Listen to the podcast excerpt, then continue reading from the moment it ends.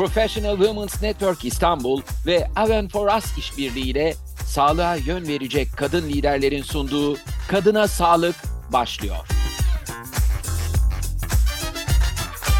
Sağlığa yön verecek kadın liderlerin sunduğu Kadına Sağlık Podcast yayınına hepiniz hoş geldiniz efendim. Her bölümde alanında saygın, uzman bir kadın hocamızı ağırlıyoruz.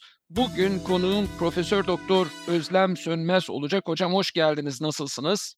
Merhabalar, hoş buldum. Çok teşekkür ediyorum. Sizlerle sohbet etmek çok büyük keyif olacak benim için. Çok teşekkür ediyoruz ama sadece bunun için değil bir de gönüllü olarak destek verdiğiniz için teşekkür ediyoruz. Bugün meme kanseri üzerine konuşacağız. Bu gönüllü destek çok önemli. Ben de bütün hocalarıma soruyorum. Bu projede neden yer almak istediniz hocam? Bir defa kadın programı. Kadınlarda fark yaratacağımızı biliyoruz. Farkındalıkla fark yaratacağımızı ve can kazanacağımızı biliyoruz. E, bu konu zaten her zaman her yerde konuşmaya çok açığım. Ayrıca bilginin sadakası vardır. Bir taraftan da ben hani, üniversitede de öğretim üyesiyim. Öğretmenim. Bu bilginin sadakasını da vermek gerektiğini düşünüyorum. Fark yaratacağımız için, can kazanacağımız için, organ koruyacağımız için hem de bu bilgiyi paylaşmak gerekliliği olduğu için ve de gönüllülük projesi olduğu için benim için çok daha kıymetliydi. Hocam muhteşem bir çerçeve çizdiniz. Çok teşekkür ediyorum. Şimdi bir de meme kanserinde sizden bu çerçeveyi rica edeceğim. Öncelikle meme kanseri nedir? Meme kanseri aslında memeyi oluşturan, süt kanallarının, sütü oluşturan e, lobülüsler dediğiniz yapıların ön planda buralardan gelişen çok daha az bir oranda da memeyi destekleyen destek dokusu dediğimiz bağ dokusundan gelişen ya da lenfoma şeklinde gelişen uygun olmayan normal dışı hücrelerin oluşturduğu çoğalma ve burada bir tümörleşme oluşmasıdır. Belli bir boyutun üzerine geldiği zaman koltuk altına ön planda gider. Bu arada da lokal ileriden bahsedebiliriz. Daha da kontrol edilemezse de vücudun diğer organlarına yayılır.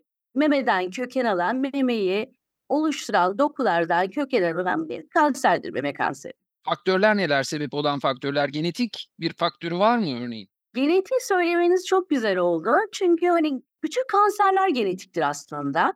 Ee, burada biz bir terminoloji hassası yapıyoruz. Çünkü normal hücre aslında bakarsanız büyür, çoğalır, vakti geldiği zaman ya da hatalı oluşum olduğu zaman ölür.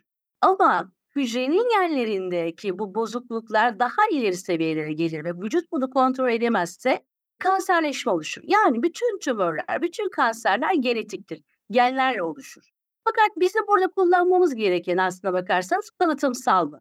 Kanserlerin, bütün kanserlerin çoğunda olduğu gibi aslında bütün demeyeyim çoğunda olduğu gibi bel kanserinde de yüzde ona yakın bir kısım kalıtımsaldır. Ailesel olarak geçer bugünkü bilgilerimize göre. Bugünkü bilgilerimize göre diyorum çünkü bilim çok hızlı gelişiyor onkoloji bilimi de hem tanıdaki hem tedavideki bilgiler çok hızlı gelişiyor. Bugünkü bilgilerimize göre %10 civarı bir kısım kalıtımsaldır. Bu demektir ki %90 kısım faktörler çevresel faktörler. Ve biz bunların aslında bir kısmını değiştirebiliyoruz, bir kısmını değiştiremiyoruz. Mesela meme kanseri için kadın olmak. Erkeklerde yok mu? Var. 100 tane meme kanserinden bir tanesi erkek. Erkeklerin ufak bir dikkatini çekelim kadın olmak, erken yaşta adet görmeye başlamak, geç yaşta menopoza girmiş olmak, yani uzun östrojena maruziyette olmak, daha önce memede prekanserojen lezyonların dediğimiz hikayelerin olmuş olması, daha önce radyoterapiye maruz kalmak göğüs meme bölgesine ya da kimyasallara maruz kalmak bunlar bir şekilde mecbur olduğumuz değiştiremediğimiz faktörler. Öte yandan değiştiremeyeceğimiz faktörler nelerdir? Tabii ki alkol, sigara ve yaşam tarzı değişiklikleri bizim değiştirebileceğimiz faktörlerdir. Alkolün alınma dozuyla e, meme kanseri gelişme oranı, gelişme sıklığı gittikçe artar. Yaşam tarzı değişikliği çok önemli. Biz son zamanlarda biliyorsunuz her yere arabayla gitmeye çalıştık. Hayatı en kolayıyla yaşamaya çalıştık. Bu bizim için bir konformuş gibi gözükmekle beraber aynı zamanda daha az hareket ettiğimiz için, daha fazla e, hazır gıdalarla beslendiğimiz için, daha az hareket, daha fazla hazır gıdalar derken ne yaptık? Kilo aldık. Yağ dokusunun artması da meme kanserinin gelişimiyle ilgili çok önemli e, bir faktördür. Sigara zaten tartışmıyoruz. Sigara derken şuna da çok dikkat etmek, e, dikkat çekmek istiyorum izninizle. Elektronik sigaralar, ondan sonra e, mentollü sigaralar bunlar çok ya, hafif alınıyor. Ben bunları daha tehlikeli buluyorum. Aslında bilim daha tehlikeli buluyor. Akciğer kanseri ufak bir pas atarsak mentollü sigaralar daha fazla bronşlar açılmasına neden olup daha keyifli içildiği için de daha uç noktalara gidiliyor. Dumansız hava sahası uygulaması hepimizi çok sevindiren bir uygulamaydı. Fakat bu elektronik sigaralarla, patlarla kırılır hale geldi ki bu çok da tehlikeli bir durum. Hepimizin bu konuda engel olması gereken bir durum ve çevre kirliliği tabii ki sizlerin de, bizlerin de, sivil toplum örgütlerinin de, otoritenin de ele alması gereken e, ve Dünya Sağlık Örgütü tarafından kanserojen olarak kabul edilmiş önemli bir faktördür. Hocam biraz önce kadın olmak dediniz ve kadınlar üzerinden bir cümle kurdunuz sebep olan faktörleri e, anlatırken. Peki kadınlar arasında ne kadar yaygın, en sık hangi yaşlarda ortaya çıkıyor? Aynı zamanda kadınlarda en yaygın belirtiler, semptomlar nelerdir? Genel değerlendirme yani bir kadın ne zaman doktora gitmeli sorusunun cevabını almak istiyorum sizden. Çok teşekkür ederim. Şöyle ki 8 kadından biri hayatı boyunca meme kanseriyle yakalanma riski altındadır. Bu aslında 8 kadından bir yani sayalım 8 bir tanesi kanser olacak anlamında değil. 8 kadından bir bu farklı bir istatistik hesap. Genel olarak %12 kadın diyebiliriz farklı bir hesapla. Dolayısıyla hiç de azımsanmayacak bir oran aslına bakarsanız. Aslında kanserin bir tane e, nedenlerinden bir tanesi hani dedik ya genetiktir, hücrelerin genlerinde olan bozukluktur. Yani bu da şu demek oluyor. E, ilerleyen yaşla birlikte kanser artar ki meme kanseri için de bu aynı geçerliğe sahiptir.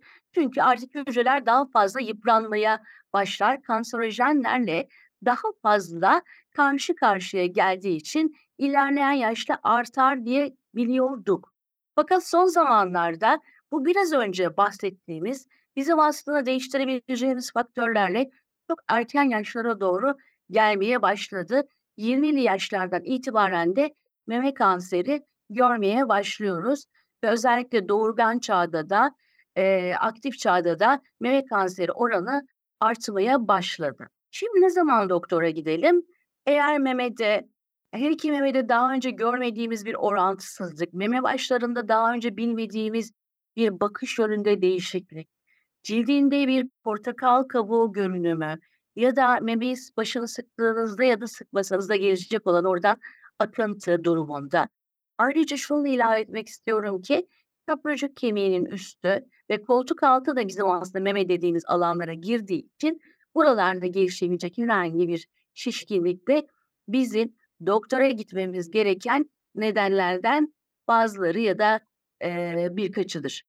Ama bunda hemen lütfen panik olmasın analarımız, kadınlarımız. Çünkü e, hepsi kanser demek değildir. Bunların büyük çoğunluğu aslında olası iyi huylu nedenler olabilir. Ama yine de biz bunlarla gittiğimizde hem farkındalığımız artacak hem de olabilecek bir kanseri çok daha erken yakalamış olacağız. Çok daha erken dediniz, erken tanı.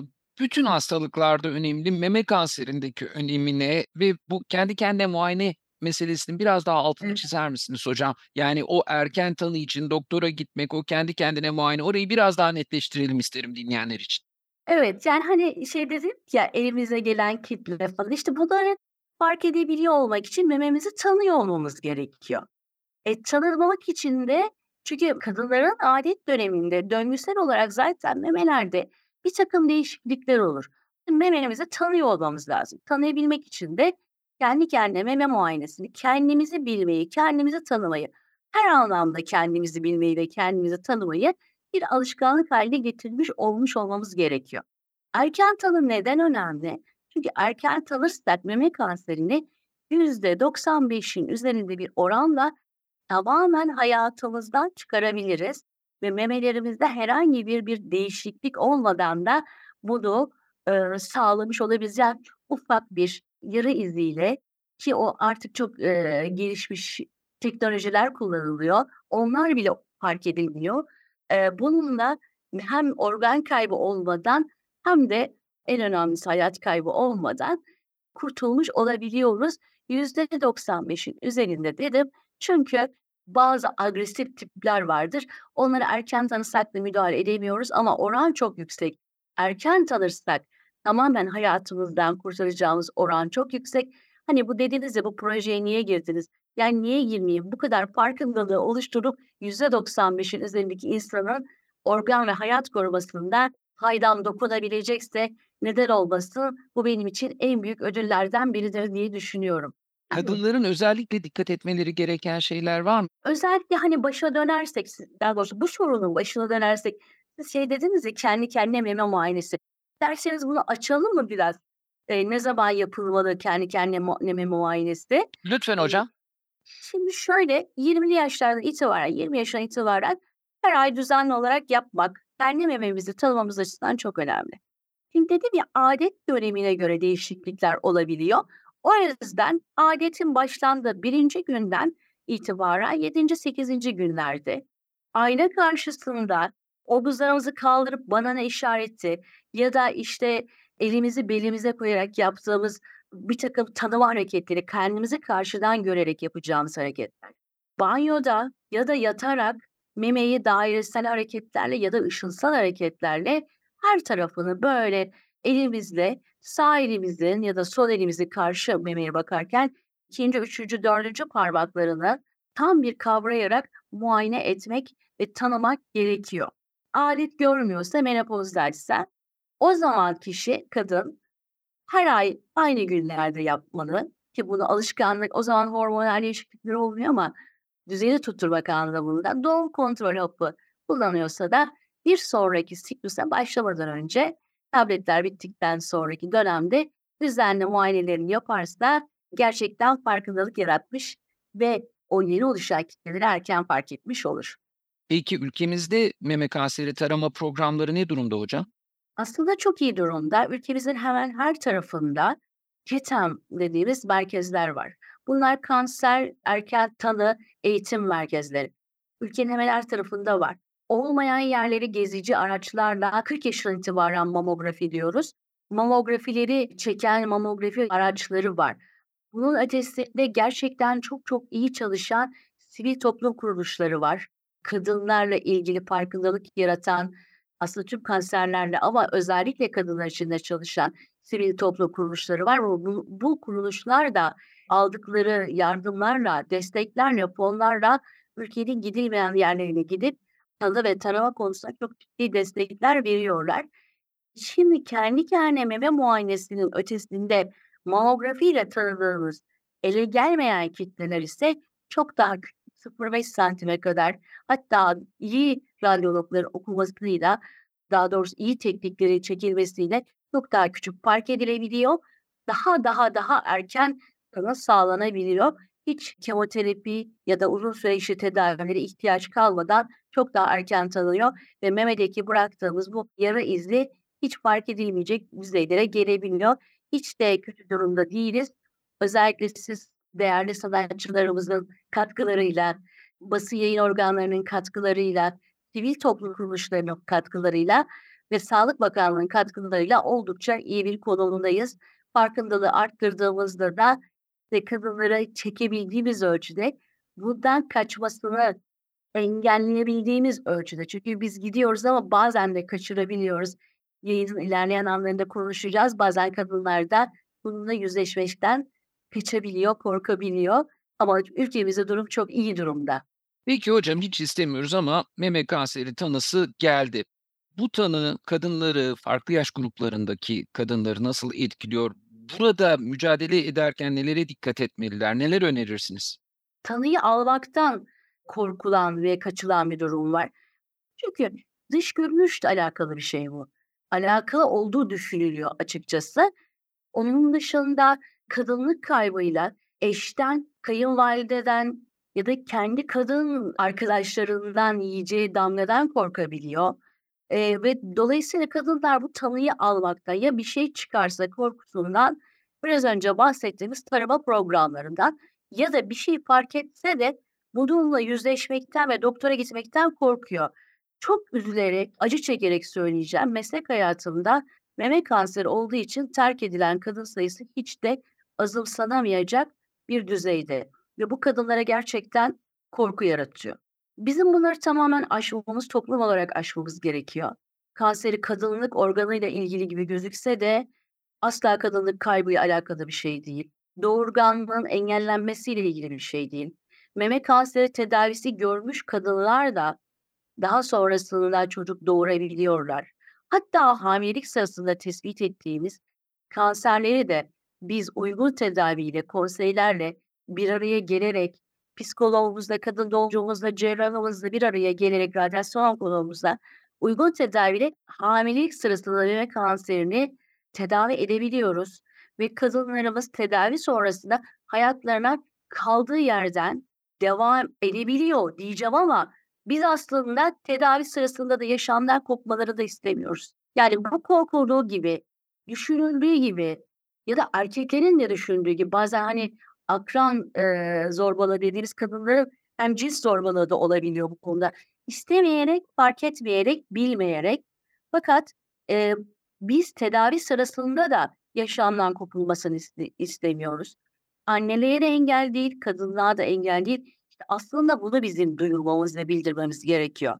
Hocam hemen burada araya girmek istiyorum. Gebelikte meme kanseri tedavisini soracağım. Anneliğe engel değil dediğiniz noktada meme kanseri tedavisi sonrası gebe kalmak mümkün mü? Burayı biraz açar mısınız lütfen? Evet, hem gebelik sırasında hem de meme kanserinden sonra da anne olmak mümkün, gebe kalmak mümkün. Tedaviye başlamadan önce hastanın durumuna göre, evresine göre yani biz bir meme kanseri kadınla ki tüm kanserler için de geçerli karşılaştığımız zaman sizin şu şu şu nedenlerle evresi, lenf nodu metastazı ya da şu şu şu e, moleküler nedenlerden dolayı şu tedaviyi vereceğiz. Bu tedaviyi vereceğiz derken bayağı bir matematiksel hesap gibi gösteriyoruz. Ama bunu diyoruz ki bunu siz ömrünün ezberleyin diye değil. Siz kendinizin özel olduğunuzu, farklı olduğunuzu bilin diye yapıyoruz. Bu dönemde eğer sorguluyoruz tabii ki yani tam detaylı ve bütünüyle ele alıyoruz ve diyoruz ki işte çocuğunuz var mı? Çocuk beklentiniz var. Evet. Çocuk beklenti varsa, eğer çocuğu yoksa doğum uzmanlarımızla bir araya geliyoruz ve tedavi sonrasında bebek kanserinin hormonal yapısına göre, altyapısına göre de bir bekleme süreci sonrasında gebe kalmasına izin veriyoruz. Yaşa ve kadının e, kendi kişisel özelliklerine bağlı olarak yumurta sayısında bir kayıp olabiliyor. Kemoterapinin etkisiyle de olabiliyor. Ve hani ben işte tüm kariyerimi tamamlayayım sonra çocuk sahibi olduk deyip de bu döneme de denk gelmiş olabiliyor. 40 yaşlardan sonra yumurta sayısı azalacağı için önceden toplayıp hazır bekletiyoruz. Tedavi sonrasındaki uygun o hastanın moleküler yapısına uygun dönemde de biz uygundur. Normal yollarla gebe kalmayı deneyebilirsiniz. Eğer olmuyorsa da daha önce sakladığımız yumurta ve embriyolarla e, gebeliği destek oluyoruz. Gerçekten verdiğiniz bilgiler, detaylı anlatımlar ve en önemlisi de rahatlatan, umut veren, insanları harekete geçiren anlatımlar için çok teşekkür ediyorum. Gönüllü olarak bizimle birlikte oldunuz ama o harekete geçirmek, umut deyince son bir mesaj daha rica edeceğim. Var mı son bir mesajınız? Buyurun. Kesinlikle kendilerini tanısınlar, kendilerini bilsinler ve bilimin yolundan ayrılmasınlar. Bu çok önemli. Yan yollara, kaçak yollara başvurmasınlar. Her şeyden önemlisi bilimin yolundan ayrılmasınlar. Geç kaldıklarını düşündüklerinde bile biz erken tanıyoruz ama hayatı birlikte katacağımız çok kıymet var, çok değer var. Bizlere güvensinler, kendilerine güvensinler ve kesinlikle e, bilimi yolundan ayrılmasınlar. Çok teşekkür ediyoruz Özlem Hocam. Kadına sağlıkta kadına sağlık diyoruz ve bugün Profesör Doktor Özlem Sönmez'le meme kanserini konuştuk. Çok teşekkür ediyoruz ona. Bir sonraki yayında her zaman olduğu gibi yine kadın sağlığıyla ilgili önemli bir konuyu konuşmaya devam edeceğiz. Sağlığa yön verecek kadın liderlerin sunduğu Kadına Sağlık'ta bir sonraki bölümde görüşmek üzere. Sağlıkla ve mutlulukla kalın. Sağlığa yön verecek kadın liderler Kadına Sağlık podcast serisini sundu.